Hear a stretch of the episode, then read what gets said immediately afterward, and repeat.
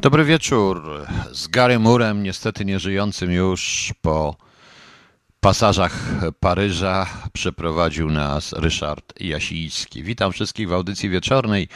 E, proszę Państwa, ja wiem, że w tej chwili Państwo strasznie by chcieli o tych szczepionkach, bo dzisiaj od rana, że wszyscy się szczepią. No, że wszyscy się niestety szczepią, proszę Państwa. E, niestety w cudzysłowie. Ja powtórzę tylko jedną rzecz. E, ja to trochę oczywiście skrytykowałem, dlatego że dlatego że proszę Państwa, mobilne punkty szczepień od rana do wieczora, różne takie inne historie.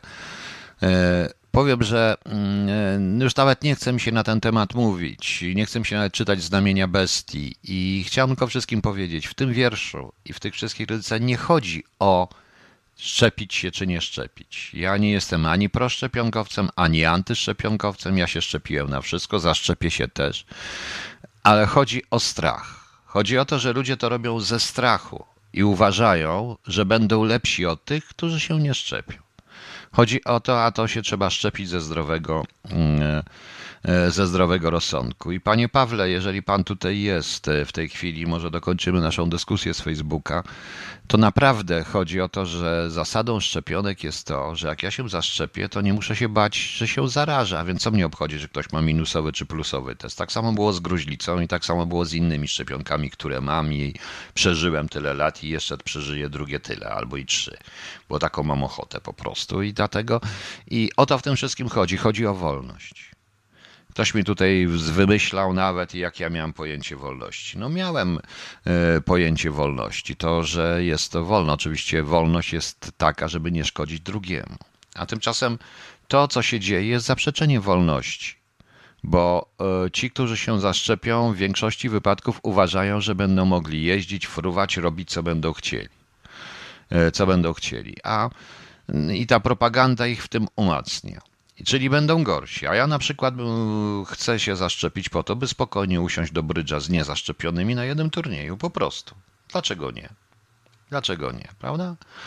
I to tak trochę tego wszystkiego, poza tym trochę telewizja przesadza. Nie były takie wielkie kolejki i tak, i tak dalej. To wcale nie jest tak. Nie, nie, nie tyle ludzi, nie to, nie tamto. No, głupoty gadają. Dajmy sobie z tym spokój. Ja chcę dzisiaj poświęcić audycję wojną atomowym i atomom głównie.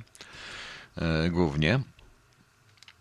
O, już nawet nie będę mówił, że ktoś tu, że jakaś firma 500 plus daje dla zaszczepionych dodatkowe. Chore. Chore dosłownie, prawda? No, no może jeszcze potem coś powiem, dlatego że to jest, e, dlatego że to jest, proszę Państwa, e, bardzo ważny temat, tym bardziej, że ostatnio pojawiły się, proszę Państwa, informacje, pojawiły się in, informacje i pojawiły się te mapy, które wystawili Amerykanie, które, wysta- te, które z IPN-u, to z czasów Układu Warszawskiego, e, ataki punktowe na, i ataki atomowe na Polskę i kraje Układu Warszawskiego. No. I, I proszę Państwa, e, i proszę Państwa, to są rzeczy naprawdę arcyciekawe, bo dziwi mnie ta propaganda, ale o tym będzie w drugiej części. Po pierwszej części będą dwie premiery, w tym jedna niespodzianka, wielka niespodzianka po prostu, ale to zobaczycie. E, zobaczycie. E, zacznijmy od Olega Pieńkowskiego, bo właściwie od tego się to praktycznie mm, działo. Bo jest, był taki film, e, jest taki film w tej chwili, z zeszłym roku chyba on powstał, który się nazywa Gra szpiegów po polsku, po angielsku Ironbark The Courier.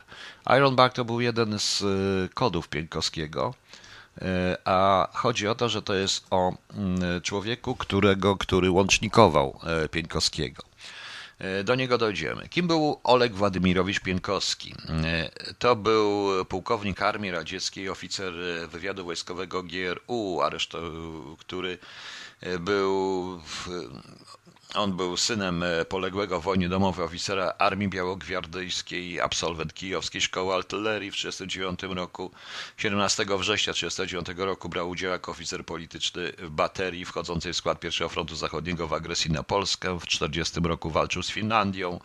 Po inwazji Niemiec pracował w zarządzie politycznym Moskiewskiego Okręgu Wojskowego, był ranny, odznaczany, walczył m.in. w 323 Pułku Artylerii Przeciwpancernej, którym dowodził. Ożenił się później wysoko postawionego w hierarchii wojskowej córką generała Dmitrija Gapanowicza, potem skończył Akademię Wojskową, od 1953 roku Akademię Dyplomatyczną ze specjalnością w zakresie wywiadu wojskowego. Był atasze wojskowym w Turcji. E, tam e, po powrocie do Związku Radzieckiego został skierowany na kurs broni rakietowej i po 1959 roku pracował pod przykrywką urzędnika Państwowego Komitetu Koordynacji Prac Naukowo-Badawczych. On był e, odpowiedzialny za pracę za zbrojenie atomowe. Otóż, co się stało z Pieńkowskim? E, Pieńkowski jest, e, jest człowiekiem, e, który moim zdaniem jest najważniejszym chyba źródłem, jakie kiedykolwiek mieli Amerykanie. Dzięki Pieńkowskiemu, proszę Państwa, nie doszło do wojny atomowej w roku, za czasów Kennedy'ego w roku 61, 2 i 3 i dalej. Nie doszło do wojny atomowej, a kryzys kubański został rozwiązany tak, jak został rozwiązany ponieważ e, zamiarem Rosjan było nieujawnianie ilości rakiet i że mają rakiety z średniego i niemałego zasięgu, te, które do, dosięgną Stanów Zjednoczonych właśnie na Kubie. To dzięki Pienkowskiemu Amerykanie znaleźli. W filmie jest to e, pokazane. W filmie jest pokazana rola Pieńkowskiego, ale jest trochę przesadzona rola łącznika. Musicie Państwo wiedzieć, że e, Pieńkowski tyle wojen przeżył, tyle różnych rzeczy, czystek i tak dalej, on się bał. E, e, on nie chciał wojny atomowej. On był przerażony, e, jak on sam mówił, histeryzowaniem, nerwowością Gorbaczowa, nieobliczalno, nie, przepraszam, Chruszczowa, nieobliczalnością Chruszczowa. Chciał, Pieńkowski chciał i sam uważał, że Amerykanie ich nie napadną piersi, Natomiast jeśli Rosjanie sprowokują wojnę, Związek Radziecki i sojusznicy zostaną całkowicie zniszczeni, bo on dobrze wiedział, pracując tu, gdzie pracował, dobrze wiedział, że, e, że Rosjanie nie są przygotowani do tej wojny, że to, co oni mówią e, na temat na temat równowagi sił, na temat odwetu i tak różnych i tych innych pozostałych rzeczy, jest po prostu tylko i wyłącznie propagandą. Nie będą w stanie, oczywiście zniszczą połowę świata, e, zniszczą dużą część świata, ale nie będą w stanie, ale sami nie przetrwają. I to tego wejście Pieńkowskiego. Pieńkowski podszedł do turystów amerykańskich, dał im kartkę, która się dostała do CIA. CIA nawiązało układ z MI6, dlatego że CIA było bardzo mocno kontrolowane przez kontrwywiad mm, e, rosyjski wówczas, przez KGB. To był inny reżim kontrwywiadowczy w tej chwili, ogromny. Natomiast MI6 trochę mniej e, stwierdzono, że nie może być, e, że nie może być żaden pracownik ambasady ani żaden E, żaden pracownik wywiadu, który może być namierzony, może się zdradzić. Jest werbowany do e, współpracy i to jest głównie w filmie, na tym jest pokazane w tym filmie, kogoś, kto się nazywał, handlowca, który się nazywał Greville Wynn. E, Greville Maynard Wynn to był brytyjski inżynier i biznesmen, który E, jeździł często do Europy Wschodniej, został zwerbowany przez MI6, ale nie tylko do tej sprawy. Nie do tej sprawy, został trochę wcześniej. I on, łącz, I on łączył, był po prostu łącznikiem, kurierem, nie dokładnie, nie do końca wiedząc, co się dzieje, nie do końca wiedząc, e, co on przewozi. Był kurierem pomiędzy, e, pomiędzy Pieńkowskim i do Londynu przewoził jego materiały. Generalnie mm, e, jego materiały. On po, po aresztowaniu Pieńkowskiego został również aresztowany i w listopadzie, e, w październiku 1962 roku został, dostał 7-8 lat na Łubiance. Na Łubiance Rosjanie nie chcieli go wysyłać do jakichś gułagów, po prostu czekali na wymianę. No i w 1964 roku e, został wymieniony na szpiega, na szpiega E, sowieckiego e, w tamtych czasach, tak zwanego Konona Mołodiego. Konon, Konon Mołody to był Konon Trofimowicz Mołody, e, to był rosyjski nielegał, tak nawiasem mówiąc. To był mm, nielegał z czasów jeszcze wojny. z czasów wojny. On udawał kanadyjskiego biznesmena i znowu przez Kanadę przeszedł i mm, został zdemaskowany w roku 61, wsadzony do więzienia. Występował jako Gordon Arnold Lonsdale. Co ciekawe, on został aresztowany i przekazany Anglikom w ogóle tak praktycznie on od przedwojny był już przygotowany do tej, do tej do roli. To jest e, drugi szpieg e, rosyjski, który jest na znaczku w Rosji, ponieważ pierwszym jest Kim Philby, a młody zmarł w 70 roku i został na e, sowiecki razwiedcik. Taka była seria sowiecki razwiedcik. Pierwszy był Kim Philby, a drugi był właśnie Kate Młody, e, Młody który był, e, proszę Państwa, aresztowany 7 stycznia 61 roku. E, zamknęli go i, no i, został, i został wymieniony właśnie na Łyna. W filmie bardzo mocno się mówi o Łynie dotyczący Pienkowskiego ale to nie jest tak do końca. E, oczywiście to było świetne zagranie zresztą ze strony CIA i MI6, że, e, że że, żeby użyć kogoś, kto nie jest szpiegiem. On co prawda Win utrzymywał, że niby wcześniej, ale to nieprawda. Nie jest przygotowany, nie robi tras sprawdzeniowych, nie sprawdza się w hotelu, nie robi różnych rzeczy to troszeczkę ruskich, y, to troszeczkę udaje zwykłego, tak jak pełno takich było, kapitalistę, chciwego na pieniądze, bo tak go został oceniany. Y, notabene rzeczywiście Pienkowski, będąc oficerem GRU i będąc w tym komitecie, on go jednocześnie niby zwerbował. Zwerbował go, y, zwerbował go dla, zwerbował go w celu dla przykrycia. Pieńkowski dostarczył bardzo wiele rzeczy, po prostu, bardzo wiele rzeczy. Wrócę do tych kontaktów, ale te e, kontakty po prostu, również wtedy wprowadzono system cały martwych skrzynek kontaktowych, o których nie ma w filmie, między innymi sztuczny kamień, e, czy, mm, e, który podrzucał z Kijowa do Moskwy. Ten sztuczny kamień zagrał później w Polsce przy sprawie Celegrata, kiedy został Celegrat i cała reszta tak zwanych szpiegów z Wietnamu została złapanych. Amerykanie nie zmienili skrzynek martwych i tam na dole, jak jest pod skocznią, jak są w Warszawie, jak są te, ten, tam znaleziono kamienie, tam znaleziono ten e, sztuczny kamień, w którym była, w tym, w którym była skrytka. Kontakty były bardzo trudne, ale również jako łączniki, jednym z łączniczek była Jean, Jean Ann żona działającego w Moskwie jako dyplomaty oficera brytyjskiego wywiadu, Roderika Krishon, Roderika Chisholba.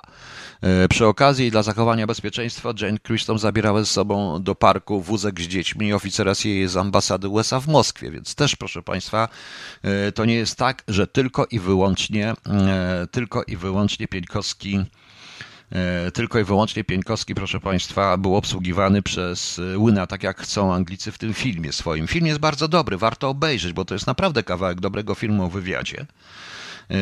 Warto obejrzeć, tylko to też trzeba troszeczkę to bardziej to jest zrobione, bo mm, im był starszy Wen, tym bardziej przypisywał sobie, że on był jednym z tych dwóch ludzi, którzy uratowali świat. On był tylko nieświadomym do końca, a prawdopodobnie nawet nie wiedział dokładnie, co przewodzi, niezbyt rozumiał to, co, to, co właściwie się dzieje. Y, Oleg Pieńkowski według niektórych i według Angletona był chyba najbardziej wartościowym szpiegiem zimnej wojny i dotąd tak się używa. Nie tylko do e, zimnej wojny, ale w ogóle, jakie mieli Amerykanie. Potem już się nic im takiego nie trafiło. E, pochodzące od Pieńkowskiego informacje, jak już powiedziałem, pozwoliły na zażegnanie kryzysu kubańskiego, ponieważ Amerykanie mieli wtedy dowody. E, on e, spotykał się z oficerami CIA MI6 w Paryżu łącznie około 144 godzin. W tym czasie przekazywał informacje, których spisanie zajęło 1500 stron maszynopisu oraz 111 rolek filmów, zawierające około 10 tysięcy sfotografowanych kart dokumentacji wojskowej i technicznej. E, Pieńkowski, proszę Państwa, Pieńkowski, proszę Państwa, był wyjawił dokładnie, co Rosjanie mają, jak naprawdę wygląda ich broń.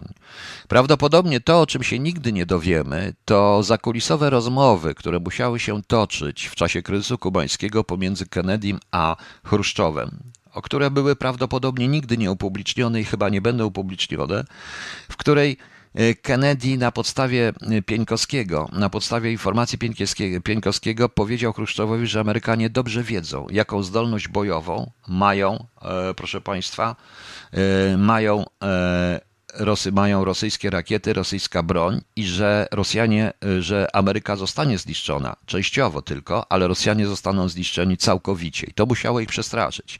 Suworow wysunął idiotyczną moim zdaniem tezę, że Pienkowski w czasie kryzysu kubańskiego w istocie działał na zlecenie wyższych wojskowych dowódców armii radzieckiej, chcących uniknąć wybuchu wojny światowej. Za ukrycie mocodawców podczas procesu miało zostać zagwarantowana nietykalność jego rodziny, której nie dotknęły represji. Ale Suworow kłamie, Suworow gada bzdury w tym momencie. Ja kłamie go gada bzdury, bo gdyby tak było, to bardzo szybko odsunięto by Chruszczowa. E, bo ci wyżsi oficerowie armii radzieckiej praktycznie rządzili. Nie zapominaj, rządzili wtedy Rosją. Nie zapominajmy, że Pienkowski był typowym przykładem człowieka radzieckiego z przepięknym życiorysem człowieka radzieckiego. To był pułkownik GRU w dodatku. Tam rządził cały czas jeszcze rządziło pokłosie i pokolenie Żukowa i pokolenie wojenne, pokolenie również i stalinowskie w wojsku. Więc to jest zupełnie tych, których stworzył Stalin. Więc to jest e, niemożliwe, żeby coś takiego się, żeby się takiego działo. Coś takiego mogło się zdarzyć i zdarzyć się, ale 20 lat później, w roku 83 przy Able Archer, o czym już kiedyś mówiłem. E, Suworow, Suworow twierdzi, że od, przed wojną, oczywiście, że przed wojną nuklearną Unia przekazy informacje powstrzymały od naciśnięcia atomowego przycisku. W tym samym uratował również Polskę, ponieważ atak byłby, no tak, no to już oczywiście to dziennikarze i historycy historycy, którzy nie znają tego świata, mogą tak sobie gadać, ale e, sprawa jest sprawa na tym właśnie polega, że, e, że e, gdyby nie informacje Pieńkowskiego, Amerykanie byli przekonani o sytuacji odwetowej Rosjan. Prawdopodobnie rzeczywiście nacisnęliby ten przycisk.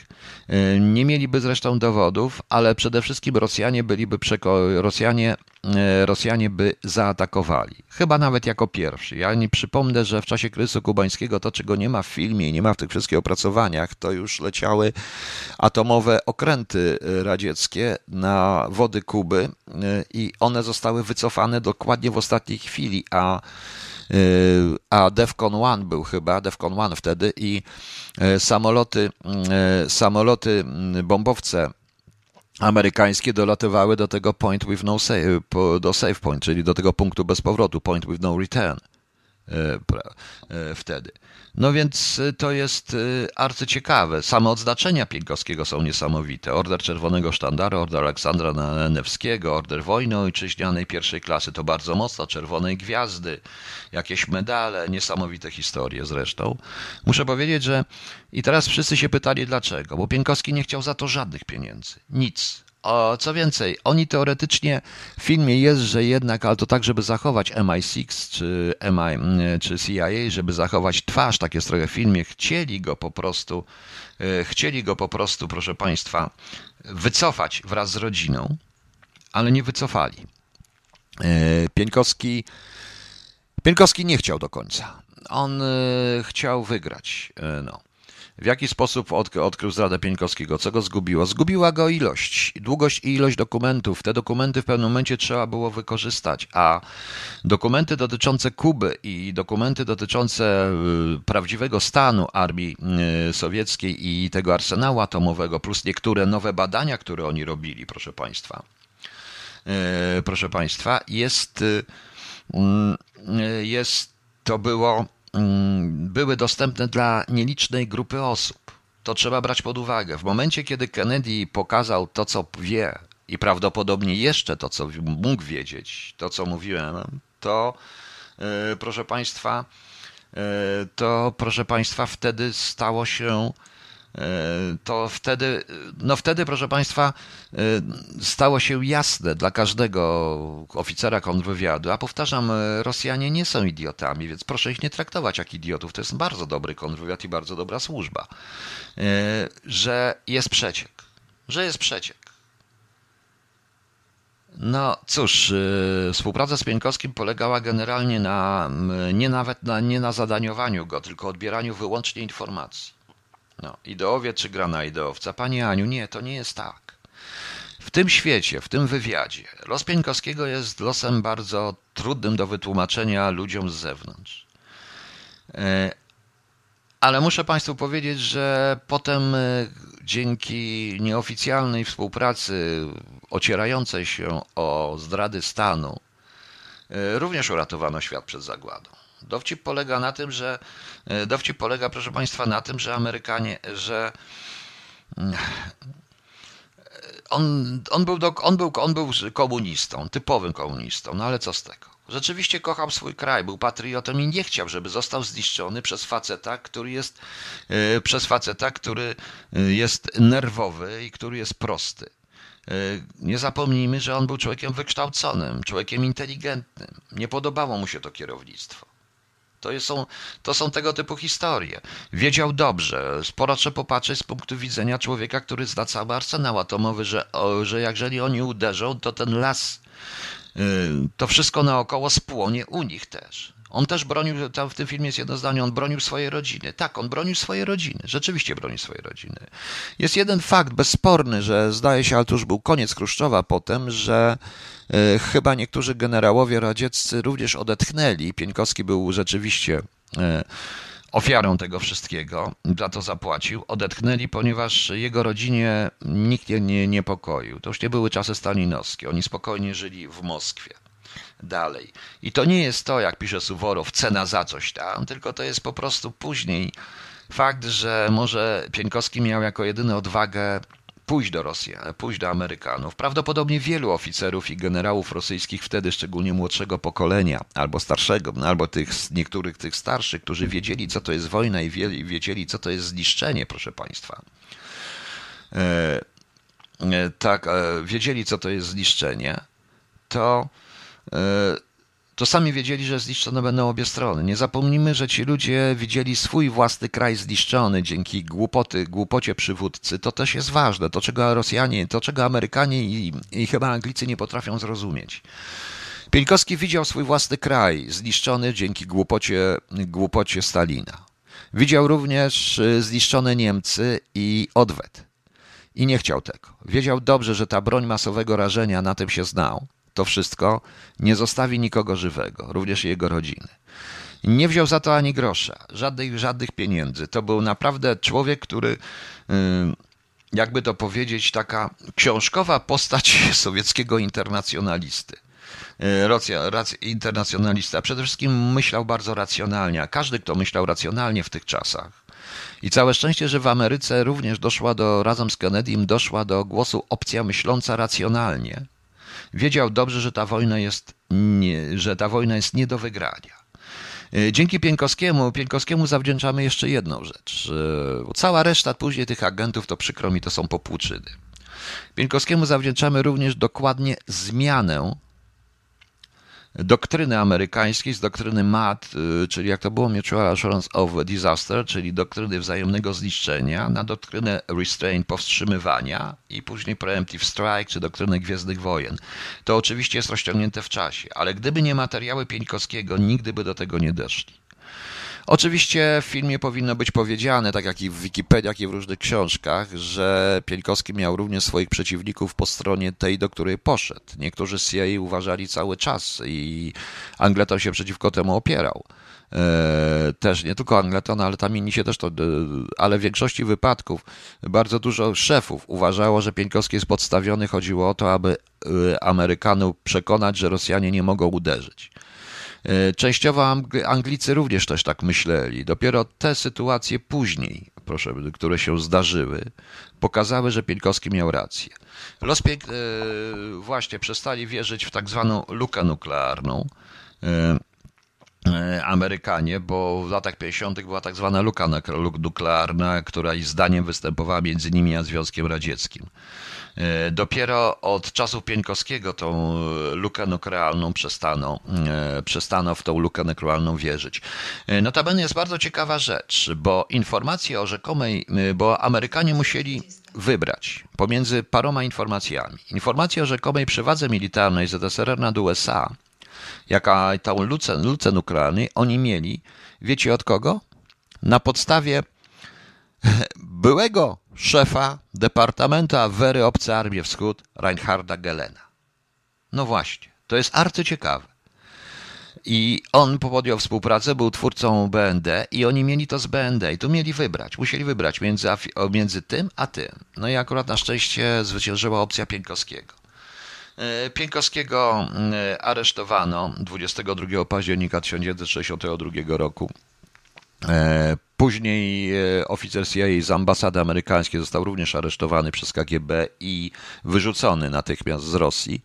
On przyszedł do Alabowe spotkanie z Pienkowskim, więc istniał system łączności, do którego do końca nie wiemy, o którym do końca nie wiemy. Istniał ten system łączności. No i został skazany na karę śmierci przez rozstrzelanie. O wykonaniu wyroku doniesiono 17 maja 1963 roku. Istnieje kilka niepotwierdzących wersji negujących oficjalną. Według Kuklińskiego Pieńkowski został stracony w sposób pokazowy, wrzucono go do rozpalonego pieca niczego, a z egzekucji nakręcono film dla adeptów. E, Wiktor Suworow w akwarium twierdzi tak samo, ale proszę Państwa, e, to jest e, to jest, proszę Państwa, e, wszystko nieprawda. Pienkowski został rzeczywiście e, rozstrzelany. E, nieważnie jak, nieważne co, został po prostu Został, jest też wersja, że on pociął sobie żyły drutem kolczastym, co jest bzdurą. On został po prostu rozstrzelany, on wiedział o co idzie. E, Rosjanie też, nie wiedząc dokładnie, jeżeli poza tym weźmy pod uwagę również taką historię, że jaki to był cios dla Rosjan. Jeżeli człowiek tak wysoko postawiony z takim życiorysem współpracuje dla, i z takich instytucji współpracuje z CIA, to kto jeszcze może? No więc niestety, e, niestety, ale on za to zapłacił życiem. E, nie doczekał się nigdy medalu z żadnej strony. Nikt go, e, nie wiem nawet, czy ma jakiś, jakąś ulicę e, gdziekolwiek, a szkoda. A szkoda, bo, bo to nie chodzi o różnice ideologiczne w tym momencie, ale chodzi po prostu o logikę tego wszystkiego. To jest problem, z który naprawdę trudno wyjaśnić we wszystkich, y, z niefachowcami, we wszystkich dyskusjach, bo to nie jest czarno-białe. Nie zapominajmy, że Oleg Pieńkowski był jednak naprawdę produktem sowieckim, ale nie każdy produkt sowiecki był zły aż do końca. A, my, a wszystko jest czarno-białe, prawda? I, I czasami logika, zwykła, zwykła ludzka logika w tym wszystkim y, jednak działa. Tym bardziej, że y, to, co chciano zrobić propagandowo, Rosjanie nie mogli tego wykorzystać, bo Pilkowski nie wziął żadnej, e, żadnych pieniędzy. Czy znany jest los rodziny? Czy ja wiem? E, tylko tyle, że żyła w Moskwie. Co teraz, to nie wiem, po prostu nikt tego już nie bada. To jest historia, proszę Państwa. To było 60 lat temu. To wszystko się działo wielu z was nie było na tym świecie, prawda? Wielu z nas, z wielu z was, nawet ja, miałem ile lat e, wtedy, 4, 5, nie, nie działo się, nie zdawało sobie sprawy, nie, nie zdawało sobie sprawy, co się tak naprawdę na świecie dzieje. Okej. Okay. Proszę Państwa, ja wiem, że Państwo się spodziewają jakichś sensacji, że tak, Polacy mogli mieć bombę atomową i byliby niezwyciężeni. Każdy zresztą, kto uważa, że i, i chce, żebyśmy posiadali jakąkolwiek broń atomową albo na swoim terenie, albo, albo w ogóle mieli własną, jest idiotą. Proszę mi wybaczyć. Jest idiotą i to idiotą totalnym. Dzisiaj czytam taki artykuł w Onecie. Amerykanie planowali zrzucić na Polskę deszcz bomb atomowych. Zniszczone miały być największe miasta w czasie zimnej wojny. Oni tutaj piszą, to sobie każdy może przeczytać. Nie będę tego nawet obawiał, bo co innego chcę omawiać.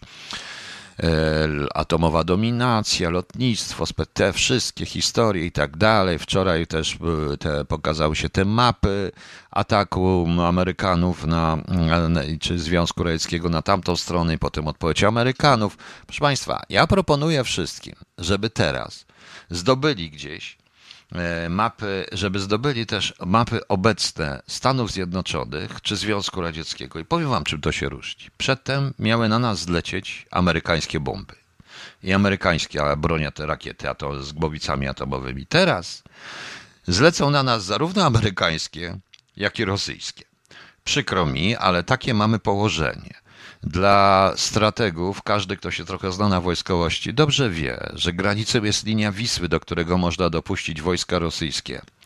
A teren pomiędzy Wisłą Odrą, a praktycznie również częścią Brandenburgii, czyli dawnego e, Saksonii Brandenburgii, czyli dawnego NRD, jest przed polem, na którego spadnie cała broń atomowa, dlatego że Rosjanie, nie, że Amerykanie nie mogą dalej Rosjan dopuścić. I to jest ten, niestety tak to jest. I to zostanie tylko i wyłącznie w razie konfliktu zostałoby dokładne e, gruzowiska atomowe. A jeszcze jakbyśmy mieli broń atomową, to jeszcze by było podwójne gruzowiska, bo byśmy pewnie nie zdążyli nawet jej użyć. Bez sensu. Proszę Państwa, e, i także e, od czasów właściwie zimnej wojny, e, znaczy w czasach już zimnej wojny, od lat 60., właśnie o Pienkowskim zaczęto myśleć jeszcze nad jedną rzeczą, zarówno Rosjanie, jak i Amerykanie.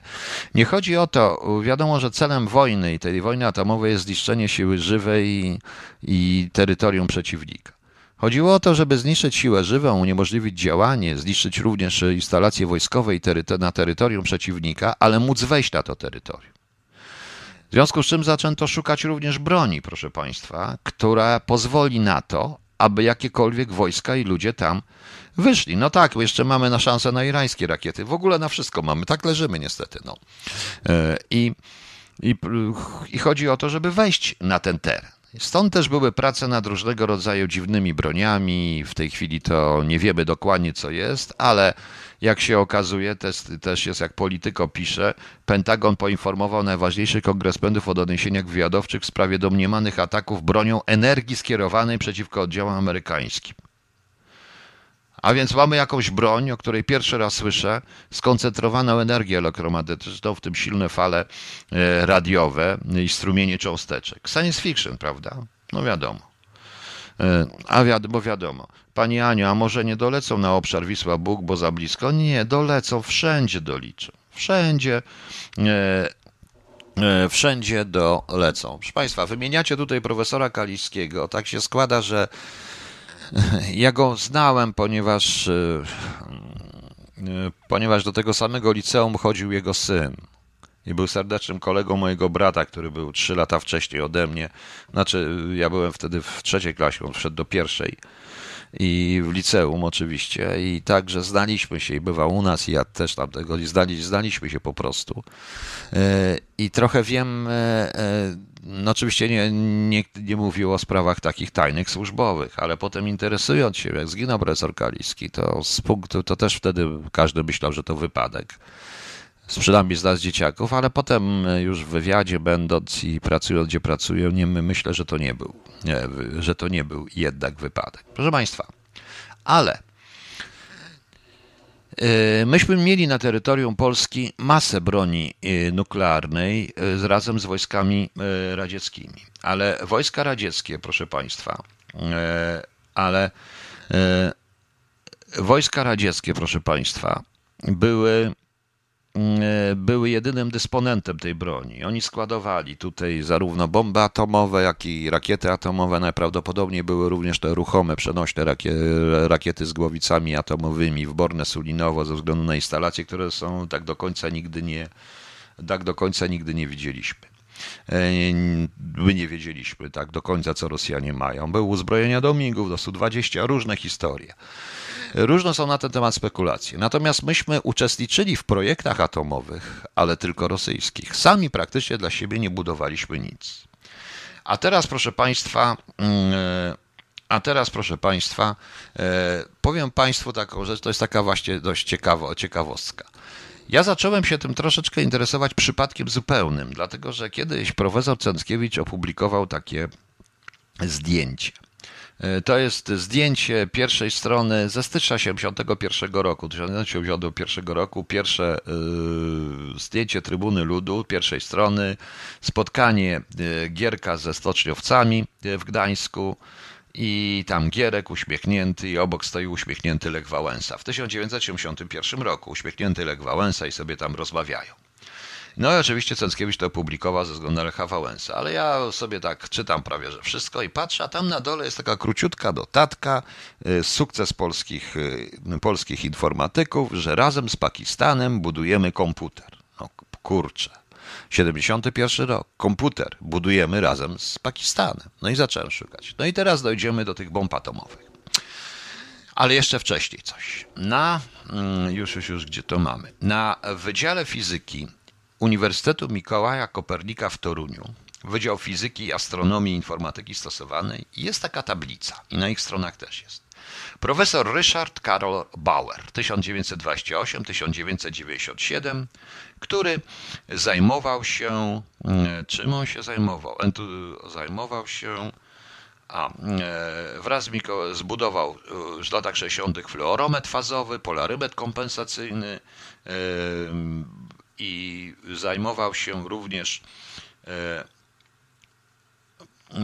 scencją, jak to się nazywa, fotoluminescencją roztworów, w szczególności określania struktury i oddziaływania w roztworach, jak również zagadnienia związanymi z zastosowaniem fotoluminescencji do badania problemów biofizycznych, ale także zajmował się pewnego rodzaju laserowymi rzeczami, tego już na tej tablicy nie ma. Między innymi dokładnie zajmował się tam na tym uniwersytecie tym samym, co profesor Sylwester Kaliski, mniej więcej, czyli kwestią laserów, kwestią pewnego rodzaju, e, to jest bardzo skomplikowane fizyczne to wszystko, co on pisze, e, co, czym oni się zajmowali, prawda? E, zajmował się, zajmował się, proszę Państwa, w tymi różnego rodzaju, jakby to Państwu powiedzieć, no tymi sprawami związanymi z bronią neutronową z innych czasów i tak dalej, i tak dalej. I tak dalej. E, tym się, proszę Państwa, i zajmował się tym samym profesor Ryszard Bauer. Nic nie ma ciekawego w Ryszardzie Bauerze, gdyby nie PWPW, którego, przez, którego, przez które przy okazji wszedłem na to. Dlaczego?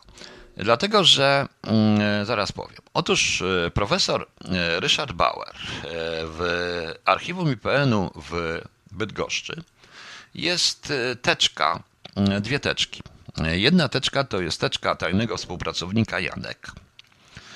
E, przejęta później przez Wydział Siódmy Departamentu I przez wywiad e, w roku 1982, zdaje się. I e, jest pracownika, jest tych kilka teczek tego Janka. Otóż profesor Richard Bauer, późniejszy profesor, jako młody człowiek był ojcem E, był synem Hermana Bauera. Herman Bauer był z kolei właścicielem największego, chyba jednego z największych i najbardziej znanych browarów w Wąbrzeźnie. E, przed wojną organizował Stalheim i Heimaty, e, Heimaty, bo to był, uważał się za Niemca. Co ciekawe, jego brat był, pod, był chorążym, nie, czy starszym sierżantem w, w jednostce w Grudziądzu. Został skazany w roku 1938 na karę śmierci za szpiegostwo dla III Rzeszy. Wyrok wykonano w tym samym, tymże samym roku 1938. Wtedy Hermann Bauer wraz z młodym Rysiem Bauerem uciekli do Gdańska, gdzie przebywali do roku mniej więcej 1940 do wolnego miasta Gdańska, gdzie pan Bauer był Herman był przy oka, był, e, był e, e, kapitanem policji niemieckiej. Po, przy, po powrocie do Wąbrzeźnia w roku 1940 był szefem miejscowego SA, ale przy okazji był prawdopodobnie oficerem, w, oficerem, oficerem w, mm, nie tyle, oficerem Abwehry. Ciekawa postać, tym bardziej, że jego żona, również Niemka, i jego syn, pan Ryszard, był również szefem miejscowego Hitlerjugend i w roku 1945 w Łodzi, i to wszystko jest w archiwach, tam był sąd, tymczasowy sąd zbrodniarzy wojennych i przestępstw przeciwko narodowi polskiemu w Łodzi, jest, była sprawa oskarżenia zarówno matki, jak i Ryszarda o wydanie na śmierć trzech polskich harcerzy, e, którzy rozmawiali po polsku. E, gdzie mówili, którzy rozmawiali po polsku. E, I pan, e, i ten pan, e, a ojciec Herman, Herman był zastępcą, okazało się nagle, że był zastępcą komendanta obrony Allenstein, czyli Olsztyna. Zginął. On zginął, rzeczywiście zginął. Nie wiadomo, gdzie jest jego grób, ale zginął. No, pan Ryszard y, został razem z matką zabrany przez Rosjan. Jak Rosjanie weszli do Wąbrzeźna, Wąbrzeźna to była Rzesza, został zabrany gdzieś do Rosji, ale po dwóch miesiącach oboje znaleźli się w Kłodzku. W Kłodzku. Pracownik UB, jak się czyta zresztą tą, tego notatkę pracownika UB, można umrzeć ze śmiechu, bo nie dość, że pisana jest po polskiemu to jeszcze, zwerbował młodego e, gimnazjalistę, nie przepraszam, licealistę Ryszarda do współpracy i ten mu opowiadał o mniejszościach niemieckich, o tym, kto za Niemcami i tak dalej, i tak dalej, kto był hitlerowcem i tak dalej. Potem się znaleźli w Poznaniu, e, w Poznaniu, tak, w Poznaniu, gdzie młody Rysio studiował. Wtedy i w roku 1952, to jest najciekawsze, w roku 1952 e, poprosił o rozmowę z oficerem prowadzącym z UB. I, e, I powiedział, że on już nie chce donosić, nie chce pracować e, w UB, dla UB.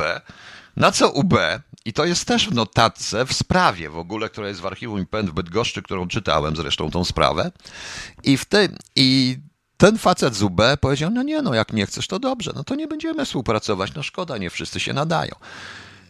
Ale w roku tym skończył to i w roku 1956 wyjechał sobie pod Moskwę do, mm, na e, doktorat e, na, w Instytucie Badań Atomowych pod Moskwą. Wtedy chyba zaczęły się już e, zainteresowania tego typu bronią w ogóle, laserami i tak dalej, bo to jest nie koniec. Zrobił ten doktorat, przez nikogo nie zabił, B odpuściło, wszyscy odpuścili. A w 1963 roku podeszło do niego SB i mówi, że no może by kontynuować. Tak, on się zgodził, żeby kontynuować tą współpracę. I tak se kontynuowali, kontynuowali. W 80 to nie koniec, proszę Państwa, ponieważ on miał również syna i żonę, ten Ryszard. Jego syn w 1981 roku pojechał sobie do ciotki do Berlina Zachodniego, ponieważ siostra pana Bauera w roku 1943 wyszła za mąż za kapitana Abwehry i mieszkała w Berlinie, a jej mąż zginął gdzieś w czasie mm, zdobywania przez Rosjan Berlina. To jest całkiem możliwe zresztą było. No, mieszkał sobie zresztą, proszę Państwa, co było ciekawe. I pan Bauer w 82 pojechał sobie ten syn i został tam, wybrał wolność. Pan Bauer tymczasem, e, proszę Państwa, wrócił do, e, do siebie, cały czas tam pracował, pracował. Pojechał sobie na sympozjum, on jeździł na różne sympozja. Pojechał sobie na sympozjum do NRD, po czym poszedł do Berlina Zachodniego, już jako zwerbowany tym razem e, kandydat na informatora, czyli na agenta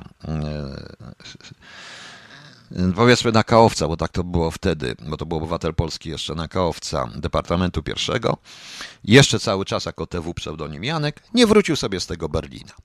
E, I tam siedział. Co się dzieje dalej? SB było wtedy tak, proszę Państwa, e, chodziło o, o los, o dobro rodziny, że nie można rodziny rozdzielać, że mniej więcej rok po jego ucieczce syna, ojca, pozwolili, żeby wyjechała jego żona. Po prostu niech sobie jedzie do rodziny. No nie można i z przyczyn humanitarnych wysłali ją e, do rodziny i też pojechała sobie do Berlina. Że było jeszcze śmieszniej w 1984 roku i się zachowały te dokumenty. Syn ten, który został w 1981, przyszedł do polskiej misji wojskowej w Berlinie Zachodnim i powiedział, że on już nie chce być na zachodzie i chce wrócić do nas.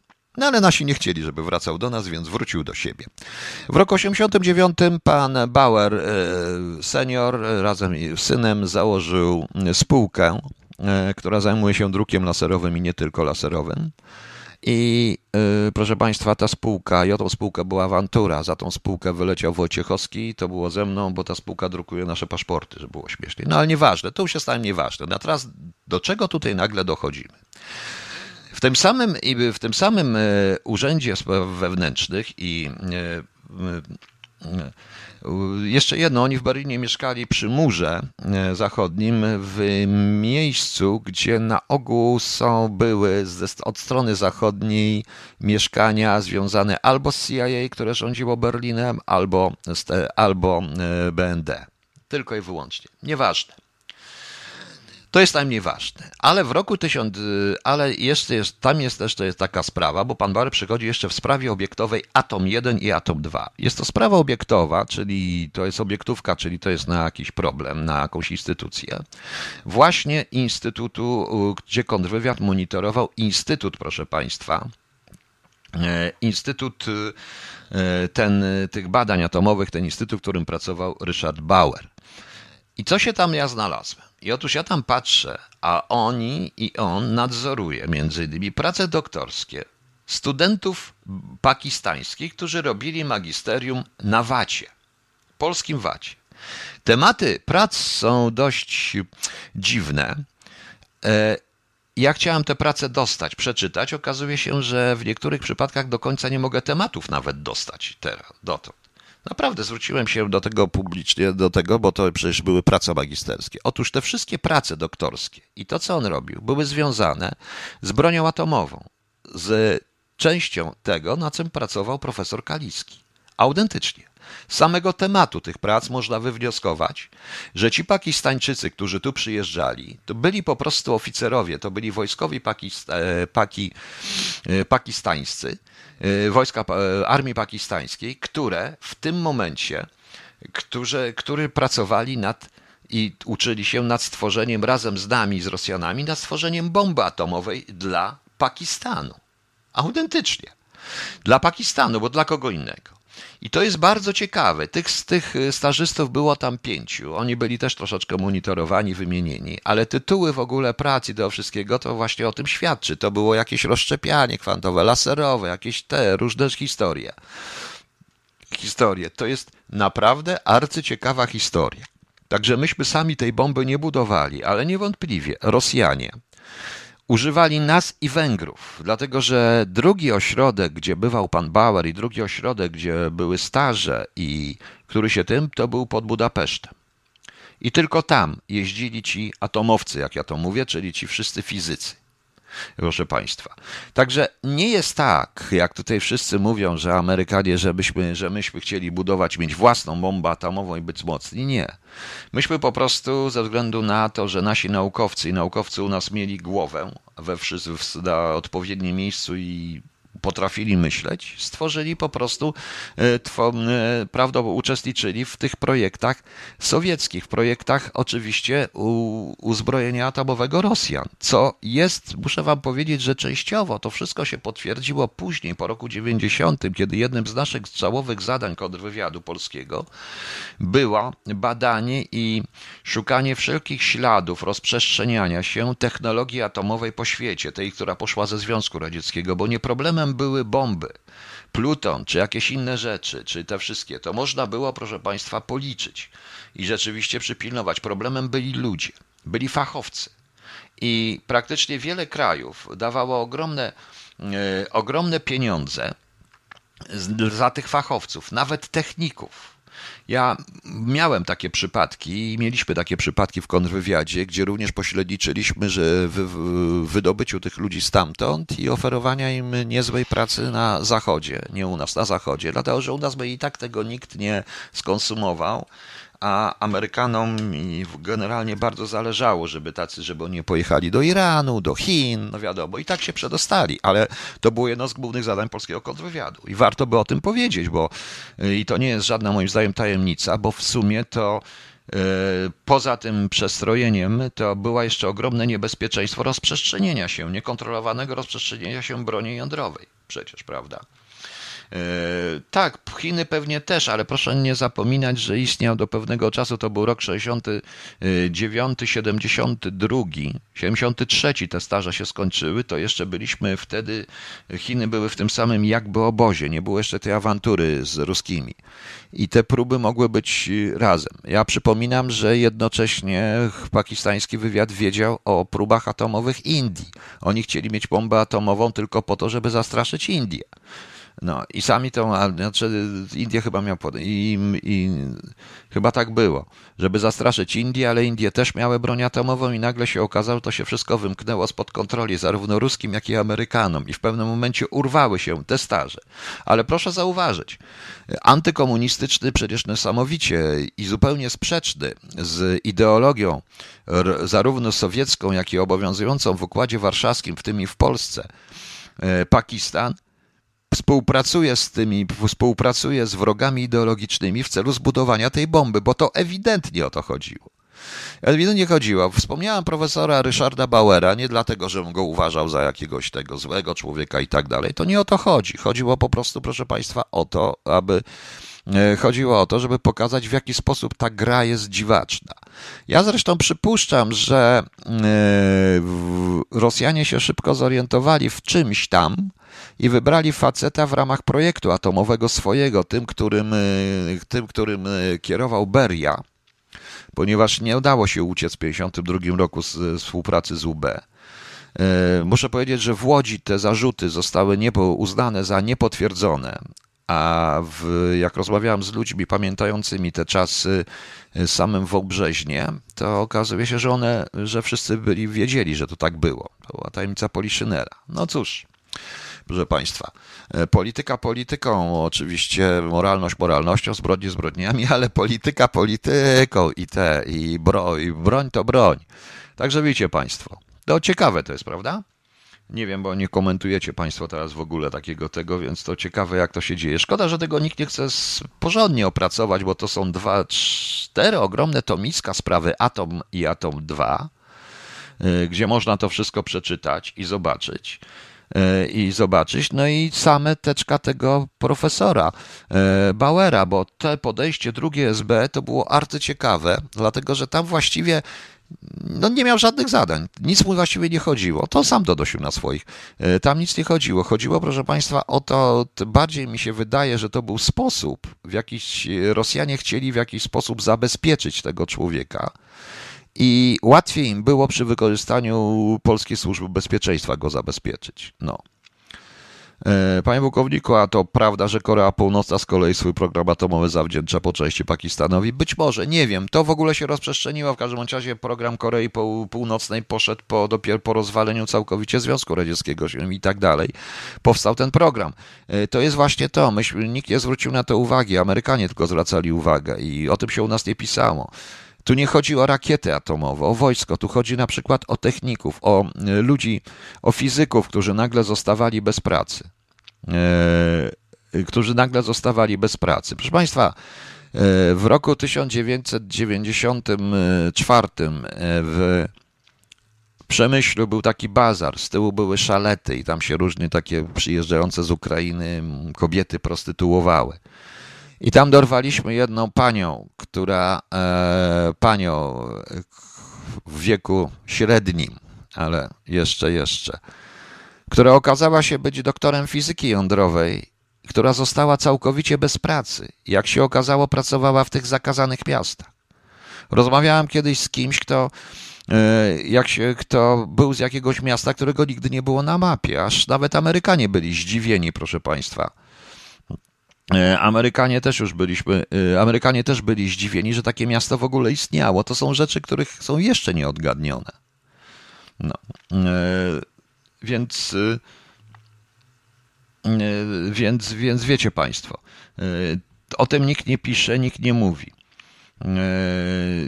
Nikt nie mówi, proszę Państwa, ale, ale to były straszne czasy. Autentycznie dla tych ludzi. Tak, to, tak, Pani Janie, to była masakra. A teraz a kraje takie jak Korea Północna, Pakistan, Iran, oni potrzebowali każdego, łącznie ze ślusarzem pracującym w zakładach, pracującym w zakładach produkujących rakiety. Nie ma technologii, bo jeszcze jest jedna rzecz, proszę pana. E, bo mm, jeszcze jedna, jeszcze jedna jest rzecz, e, proszę państwa, w tym wszystkim. E, dość ciekawa, bo to nie chodzi o to, żeby mieć broń atomową i bombę atomową. Trzeba mieć jeszcze środki przenoszenia. Problem z Koreą, to co wskazał oczywiście na to, co wskazał zarówno Trump, jak i inni prezydenci amerykańscy, problem z Koreą jest na to, że oni mają e, środki przenoszenia, nie dosięgną co prawda Ameryki, ale dosięgną na przykład Japonii i dosięgną Chin. I to jest problem. Problem z Chinami polega na rakietach międzykontynentalnych. Problemem są również to, co lata w kosmosie. W tej chwili są inne bronie. Środki przenoszenia są ważne. E, po prostu. E, dlaczego pan nic nie powie o świerku? Nie wiem, panie Aleksandrze, co mam powiedzieć o świerku. W świerku był reaktor jądrowy, bo mieliśmy prawo, mogliśmy budować, chcieliby teoretycznie pod pozorem broni, pod pozorem energii atomowej, budowa energii atomowej, więc pewnie część badań była i tam. Bo chyba zarówno, bo jak pamiętam, to yy, zarówno Bauer też korzystał z badaniach z części w świerku. Chodziło o wytwarzanie plutonu nawet, nie pamiętam. To to było pod specjalnym zabezpieczeniem kontrwywiadowczym był świerk, więc tam wiadomo, coś tam było. Natomiast potem, no właśnie.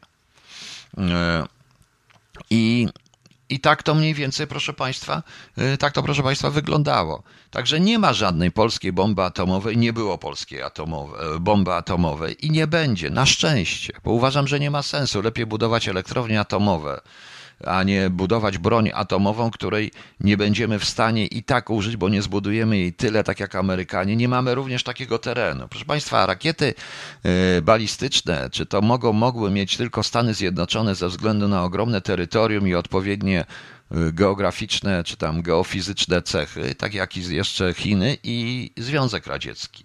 Cała reszta, no niestety, no niestety, proszę Państwa.